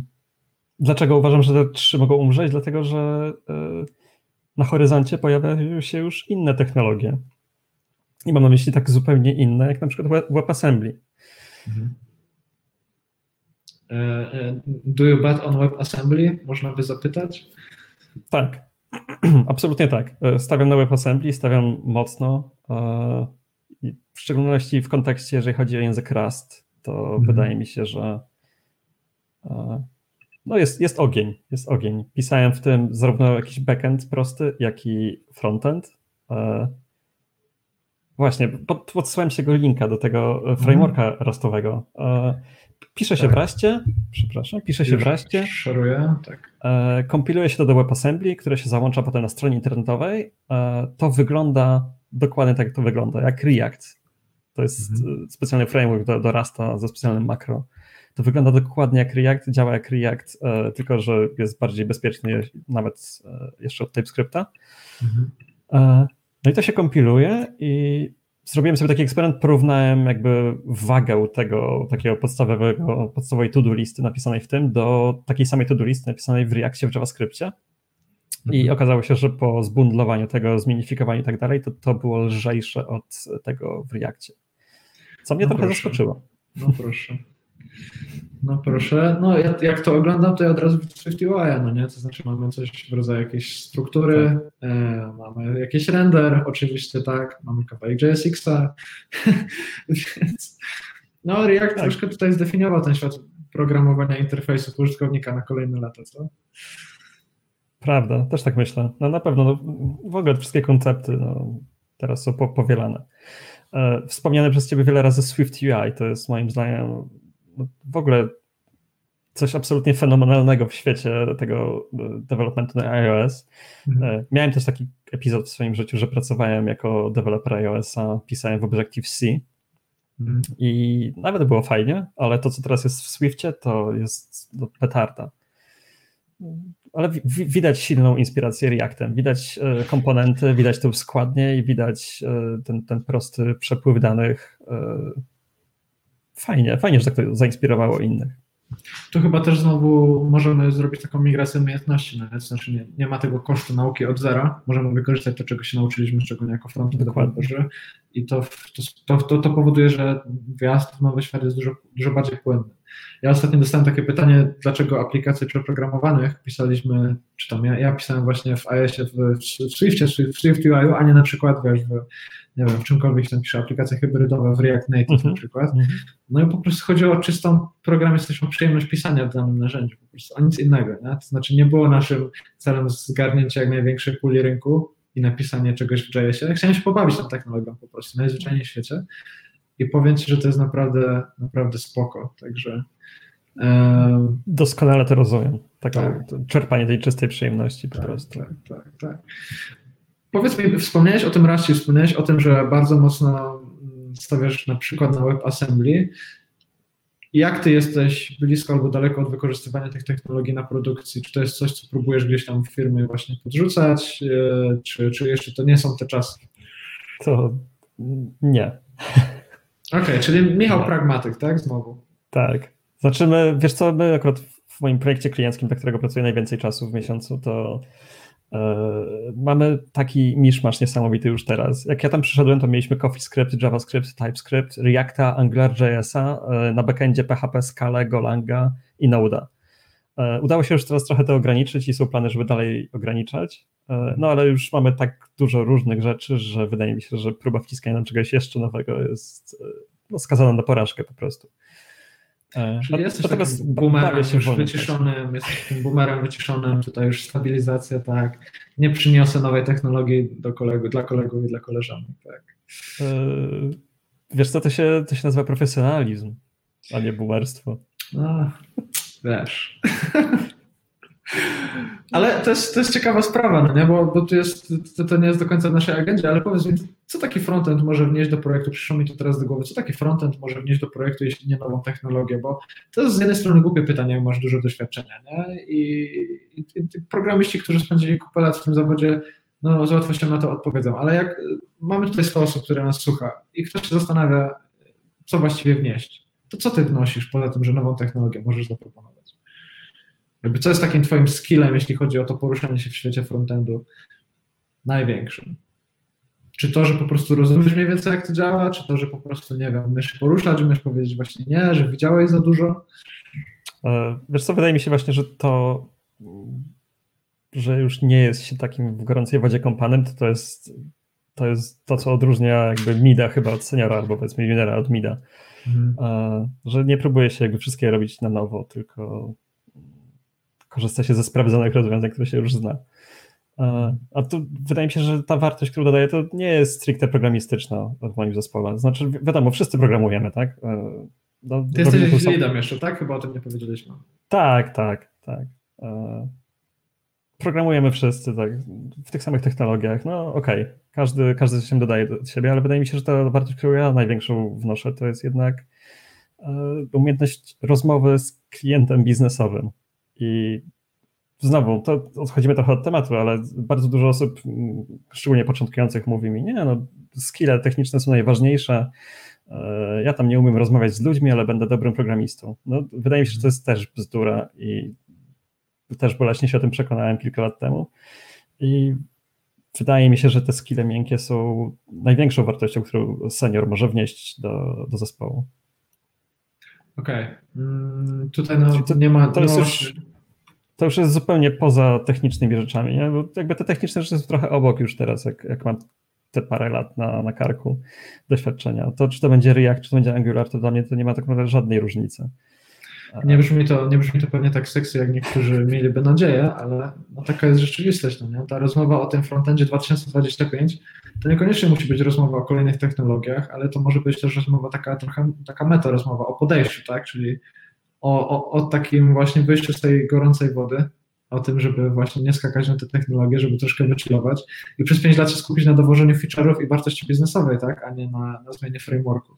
Ja pamiętam taką anegdotkę z jednego meetupu, którą mogę szybko sprzedać, kiedy e, rozmawiałem z ludźmi o technologiach, to było oczywiście po serii prezentacji, jakaś tam sesja networkingowa i dostaję pytanie, czy czegoś tam używałem. Ja mówię, no nie, nie używałem, mamy tutaj dość taki spójny stack, raczej wszystko jest w Angularze pisane. Aha, aha, bo my używamy i jest, jest zajebiste. Ja mówię, aha, no to spoko, a, ile tego używasz? On mówi, trzy miesiące.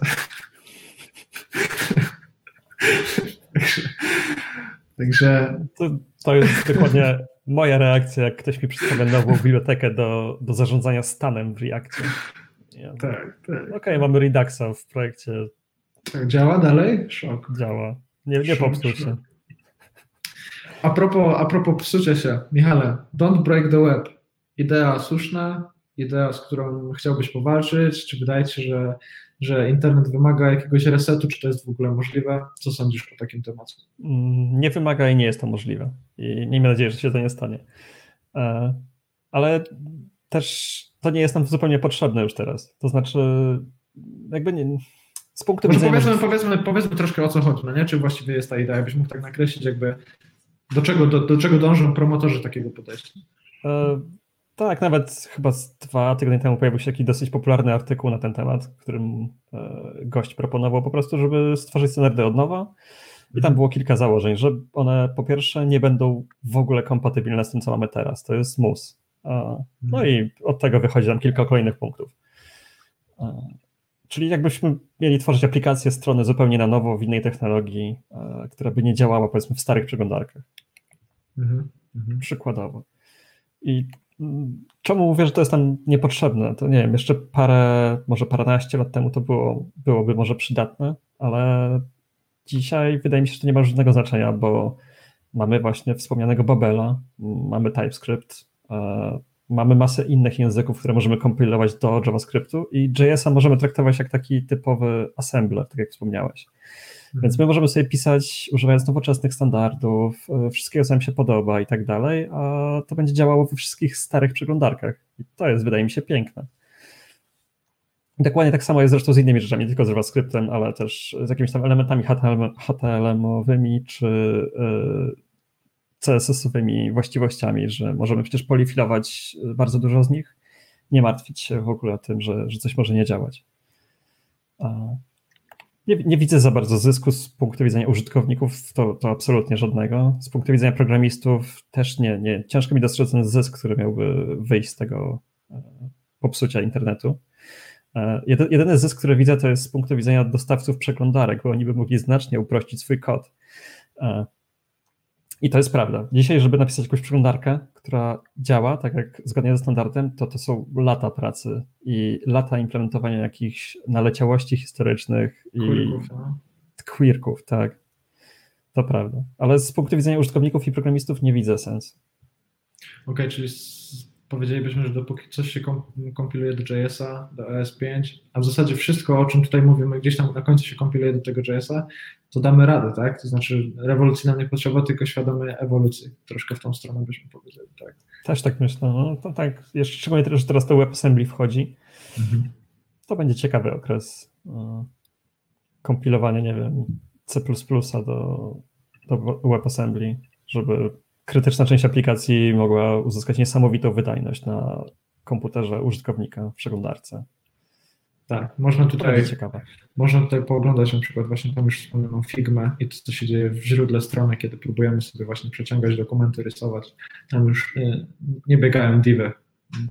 To nie jest tak, że, że są klasy CSS-owe na divy nakładane. Tam się dzieje troszkę więcej.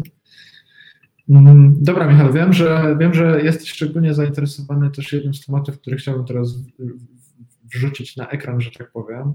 E, I, i co ty o tym Rizonie możesz powiedzieć? Czemu w kontekście pięciu kolejnych lat powinniśmy być tą technologią zainteresowani? Czym to właściwie jest? Jak ty byłeś e, zaangażowany w to community?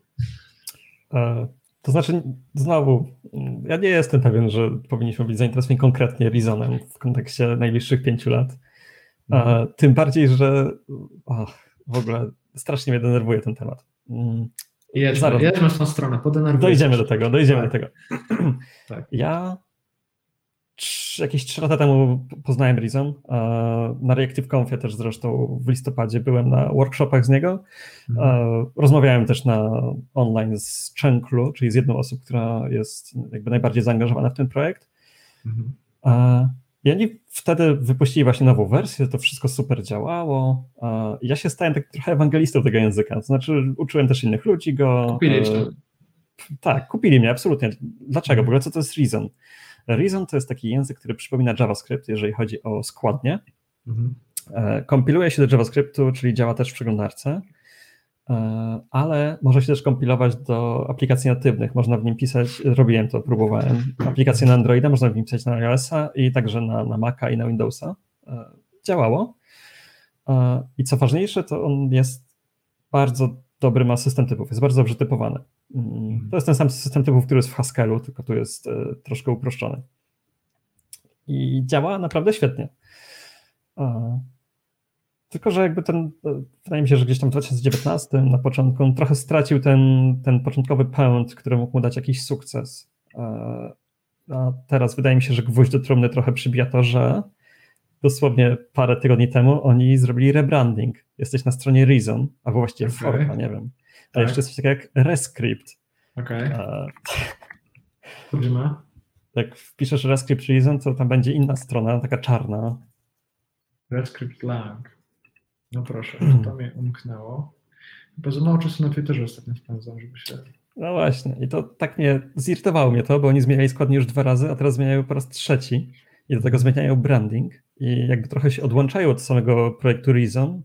Okay nie, nie rozumiem, co tu się dzieje. Ale mówisz, odłączają się kto? Core team, maintainerzy, Facebook się odłącza? E, co Dwóch maintainerów i z tego, co widzę, to ta strona już nie jest wspierana przez Facebooka. A, to nie jest Facebook open source? Okay. No właśnie nie jest tu nigdzie napisane już. Okej, okay, ale co ciekawe, zaczyna się dokumentacja od różnic z TypeScriptem, także idą tutaj troszkę na taką ścieżkę bojową, można powiedzieć, tak? To nie jest jakby alternatywna rzeczywistość, tylko jest to, jest to porównanie od razu. Tak? E, no, Nadal mi się bardzo podoba ten język. E, mhm. Te koncepty, które nam są i ten bardzo dobry system typów, to wydaje mi się, że to jest kierunek, w którym frontend będzie zmierzał. To na pewno. Mhm. Mhm. mhm. Czy ty w ogóle śledzisz i w ogóle, nie wiem, darzysz szacunkiem to, co się dzieje właśnie trudno pewnie nie darzyć szacunkiem, ale to, co się dzieje pod, pod szyldem Facebooka, jeśli chodzi o, o świat frontendu, czy powiedzmy podchodzisz z jakimiś tutaj wątpliwościami do takiego big korpowego rozwoju takich technologii, big, te, big techowego, czy na przykład wierzysz, że tam jest jakieś drugie dno, że oni chcą nas kupić e, i wiesz, przejąć nasze komputery, czy, czy, czy tutaj starasz się nie mieszać takich światów? Nie wiem, nie wydaje mi się, żeby tam było coś takie, takie drugie dno albo jakiś spisek, o którym mówisz, ale mhm. też e, staram się mieć takie zdroworozsądkowe podejście. Znaczy, to, że jakiś projekt jest wspierany przez Facebooka, to jeszcze nie oznacza, że warto go używać albo że rzeczywiście przeżyje. Bo oni też już mają mhm. historię projektów, które zabijali albo powoli wyciszali, e, mhm. albo się po prostu, które nie udały. Mm. Ostatnio się też dosyć dużo osób zwolniło z Facebooka, e, tak. które były odpowiedzialne za część tego open source'a, więc tam nie wiadomo, co, co będzie dalej na pewno React będzie dalej istniał. Na pewno Jest. Tak. Prepak też był chyba eksperymentem, który gdzieś tam został zatrzymany, no nie? Tak. Z tego co kojarzę. GraphQL będzie pewnie żywy. To możemy chyba. GraphQL będzie żywy, aczkolwiek e, ten też już hype chyba się skończył na GraphQL. To znaczy teraz już ludzie widzą to jako alternatywną technologię, już nie ma tego hype'u, nie masz takiego nacisku, żeby, żeby to poznać. Startupy, których było mnóstwo związanych z GraphQL parę lat temu, teraz e, robią pivot i troszkę zmieniają branżę z tego, co widziałem. Także... Pamiętam tą sytuację, kiedy, kiedy GraphQL był prezentowany i, i, i tam była ta główna idea, to znaczy to, że integrowałeś wiele data source'ów hmm? przez jakieś proxy i miałeś jeden punkt do odpytywania. No nie? I ostatnio sobie, co robiłem ostatnio? Wybierałem sobie, aha, robiłem coś przy jakimś headless CMS-ie, przy jakimś strapi bodajże. E, no i wiesz, i tam w ogóle nie ma tego problemu, że masz kilka data source'ów, masz jedną bazę danych w tym CMS-ie, no ale na landing page jest napisane, że wspieramy GraphQL, ale ja się pytam, ale po co wy wspieracie tego GraphQL, jak macie API restowe do tego, no nie? Jakby, okej, okay, no syntaks jest inny, powiedzmy, dobra, tutaj można się kilku joinów pozbyć i ten GraphQL będzie za ciebie, powiedzmy, e, no, zniknie ta, znikną te manualne operacje, ale jednak jakby ten główny punkt y, wprowadzania GraphQL do dużych codebases, no jakby jego tam nie ma, nie? Nie wiem, czy się zgodzisz ze mną. No nie ma. No i, są, i też jakby nie zyskujemy zbyt wiele, a możemy wiele stracić. Znaczy z punktu widzenia deployowania takiej aplikacji albo z punktu widzenia DevOpsów, to dużo trudniej jest im e, prawidłowo skonfigurować, cache'ować na przykład mm. zapytanie do GraphQL niż do takie standardowe REST API. Więc hmm, no nie wiem. Czyli e, wyluzujmy z tym hypem, można powiedzieć. Wyluzujmy z tym hypem i patrzmy pragmatycznie. Michale, mamy godzinę 16. Chciałbym, żebyśmy jeszcze na koniec wrócili do tego tematu, który, który zaznaczyliśmy gdzieś tam też wcześniej, a mianowicie do tematu GPT i, i, mhm. i automatyzacji. Już jak troszkę kończąc tę naszą dzisiejszą rozmowę, pokażę najpierw wszystkim mm, jedną rzecz, mianowicie Zobaczmy, czy to będzie widać. Może opowiedz nam, co tutaj się dzieje. E, ktoś zaczyna pisać komponent, a sztuczna inteligencja dokończa za niego. Wow. Krótko mówiąc. Wow. E, widziałem też takie podobne demo, ale nie z kodem, tylko ktoś opisał e, właśnie tej sztucznej inteligencji tam w tej samej bibliotece, jak ma mhm. wyglądać design, a ona zaprojektowała za niego bodajże w Figmie. Także tak magia. Znaczy, nie wiem, czy to jest, w sumie nie wiem, czy to jest magia. To jest bardzo efektywne, ale wróć, efektowne, ale nie wiem, czy jest wcale takie efektywne. To znaczy, z tego, co czytałem, to tak naprawdę to jest bardzo proste rozwiązanie. E, Transformer to się nazywa, tak? GPT tak. Transformer. O co tutaj ogólnie chodzi? Chodzi o to, że e, powiedzmy dajemy takiemu narzędziu kilka wzorców związanych z tym, jak e, powiedzmy Narzędzie ma się nauczyć funkcji produkującej coś na podstawie opisu słownego, tak?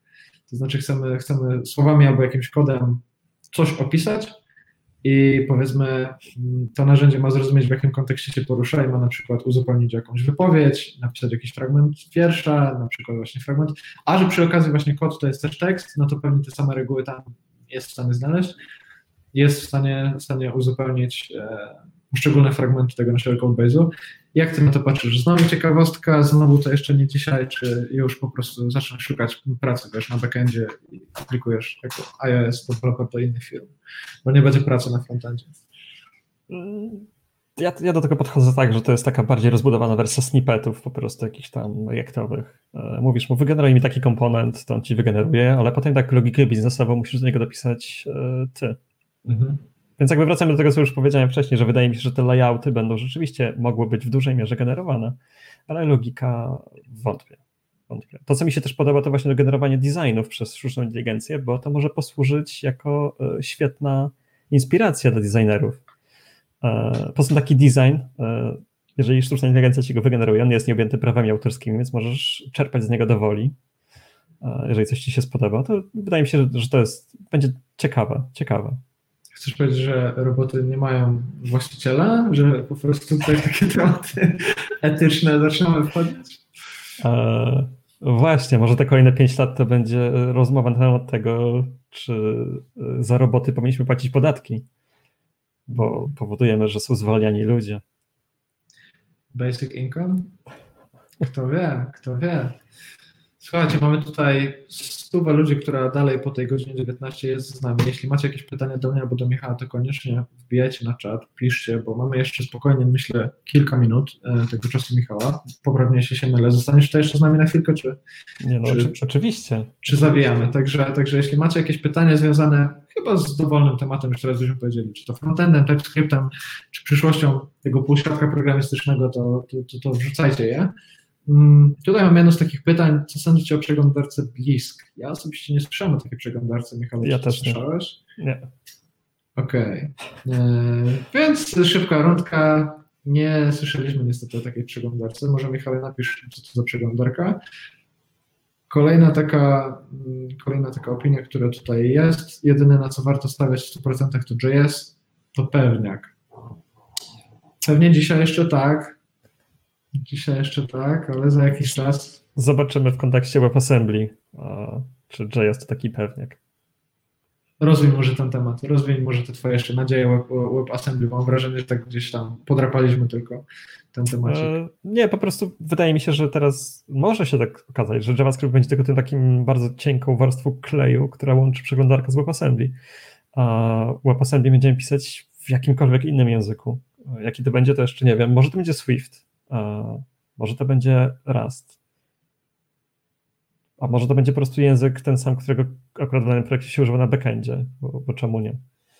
Mm, czyli tak. ujednolicenie stacku, tak? Tak, czasy są ciekawe. Zresztą jest też ten uh, assembly script, czyli taka uh, TypeScript, który się kompiluje do WebAssembly. Bardzo, bardzo fajnie. Zobaczymy. Kolejne pytanko do Ciebie, Michał. Kiedy będą dostępne same e-booki do kupna? A będą? Wrzucamy stronkę? Wrzucamy stronkę. E, w przedsprzedaży nie będzie na pewno. Czy będą potem same e-booki jak, e, bo tak, bo zakończy się przedsprzedaż 15 września e, o 23.59 i potem będzie przerwa, w sensie sklepu nie będzie, nie? bo będę musiał wszystko ogarnąć i tak dalej, i tak dalej. No i zobaczymy, jaką, zobaczymy jak, ile teraz będzie, zobaczymy jak pójdzie po prostu, zobaczymy jak to wyjdzie z tego co rozumiem, to Michał, dla Ciebie ta książka to też jest jeden wielki, może nie eksperyment, ale jedna wielka lekcja, tak? Znaczy, też chyba Oj, to na pewno. Dynamicznie obserwujesz jakby reakcję i też pewnie będziesz dostosował to wszystko, co się tutaj dzieje, no nie? Do reakcji. Jasne. E, no, jakby wszystko, co robię, to robię pierwszy raz tutaj, więc...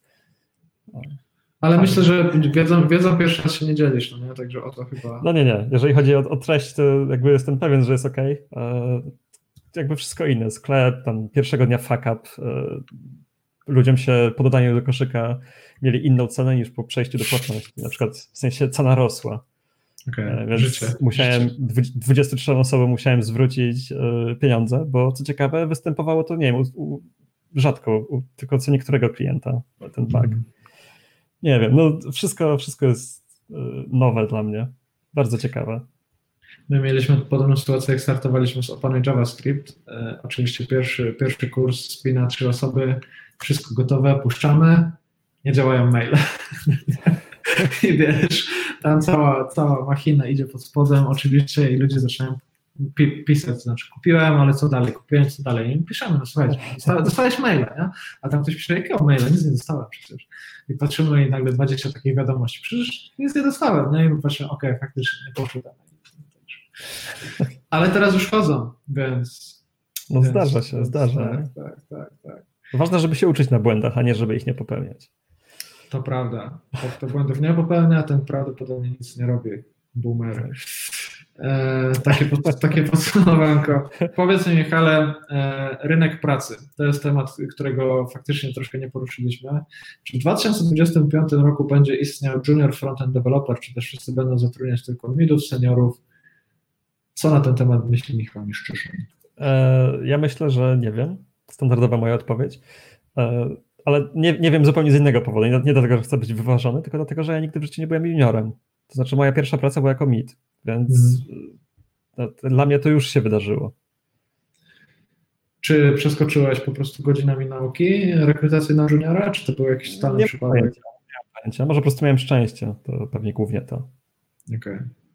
No ja ze swojej strony dodam, że wydaje mi się, że o ile teraz jesteśmy w jakimś takim okresie koronawirusowym i to jest taki szczególny okres, gdzie tej, tej pracy dla juniorów faktycznie może troszkę nie być tak dużo, to ta sytuacja chyba wróci do normy za jakiś czas. Jak już się nauczymy pracy zdalnej, to podobne reguły prawdopodobnie wrócą. No. To nie jest tylko tak, że stare konie będą tę branżę popychać do przodu, ale po prostu młoda, świeża krew też musi wchodzić, więc jeśli firmy są świadome, no to, to tych juniorów będą wpuszczać do tych firm. Takie jest, takie jest moje zdanie, no bo czemu... Na pewno, ale jakby wydaje mi się, że głównym nastawieniem juniora na początku i firmy też powinno być to, żeby junior się jak najszybciej, jak najwięcej nauczył. I wydaje mi się, że jak no. się ta sytuacja tutaj unormuje z ekonomią i z pandemią, to, to wszystko będzie ok dalej. Web komponenty, web komponenty, web komponenty. No, czy robimy dedykowany odcinek na temat web komponentów, czy chcesz? Widzę, że już głową kiwasz. E, web komponenty są martwe. Okay. Dla mnie nie istnieją. E, z jednego prostego powodu, bo nie da się ich renderować po stronie serwera i wymagają do działania JavaScriptu, co moim zdaniem całkowicie przeczy jakby idei e, tych web komponentów, które miały rozwiązywać wszystkie bolączki e, tych bibliotek komponentowych, które mamy. No i co? No i poza tym są trudno składnie i w ogóle są jakieś dziwne. Czy nie lubisz? Nie lubię. Fajnie, fajna jest biblioteka, jak ona się nazywa? Stencil? Stencil tak, chyba. Stencil, stencil tak.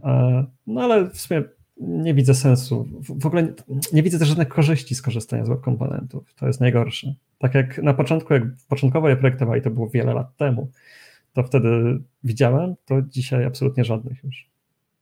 Mm, Okej. Okay.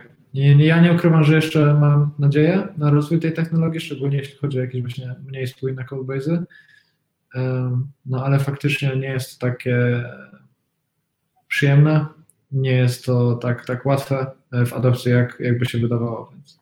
Bo też e, to, czego brakuje w komponentach, to jest to, że one nadal są imperatywne. Znaczy zamykamy w środku kod, ale to tak, nadal tak, trzeba tak, powiedzieć, nie wiem, zrób to, zrób tamto.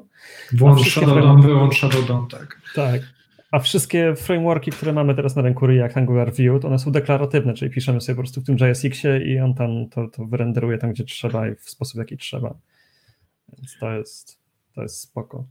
Tak, mikrofrontendy to jest temat troszkę inny, bo tutaj bardziej pewnie będziemy mówić o architekturze aplikacji. E, myślę, że myślę, że mikrofrontendy jako takie oglądam od czterech lat Smart Recruiters, więc myślę, że to jest w dużych zespołach podejście, które, które się sprawdza, ale też chyba jeszcze nie ma takiej jednej definicji i nie wiem, czy do końca wszyscy rozumiemy, e, o co chodzi mówiąc o mikrofrontendach, bo na przykład Zalando przez mikrofrontendy rozumie jedną stronę, która w momencie renderowania jest sklejana z kilku składowych, także użytkownik nie ma pojęcia w ogóle o jakby e, rozproszoności takiej strony, a gdzie niegdzie przez mikrofrontendy rozumiemy na przykład produkt, który jest złożony z kilku aplikacji UI-owych, więc które też są rozwijane przez niezależne, niezależne teamy, czy też zestaw widgetów, który jest rozwijany przez niezależne teamy, więc e, ja bym powiedział, że, że to jest, że tak jak mikroserwisy coś dały na backendzie, tak e, rozproszenie komponentów e, i aplikacji na, na, na frontendzie też coś da, ale nie wiem, czy, czy to jest to aż tak jednolite, żebyśmy powiedzieli, czy to ma przyszłość, czy to nie ma przyszłości. Nie?